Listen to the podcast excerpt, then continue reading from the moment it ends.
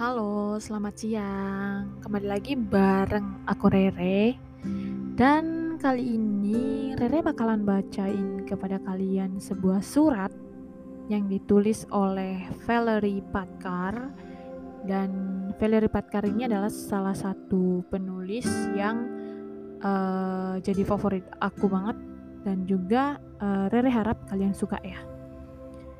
Surat untuk saya yang selalu membenci dirinya sendiri. Maaf, saya sering bikin kamu sedih. Maaf juga, saya sering menyalahkan kamu untuk semua ketidakpahaman saya akan hidup yang sering gak masuk akal. Kamu sudah banyak terluka, namun saya tambah lagi lukamu itu dengan rangkaian sesal dan kebencian tanpa ampun. Maaf, sering ingin menjadi orang lain yang bukan kamu.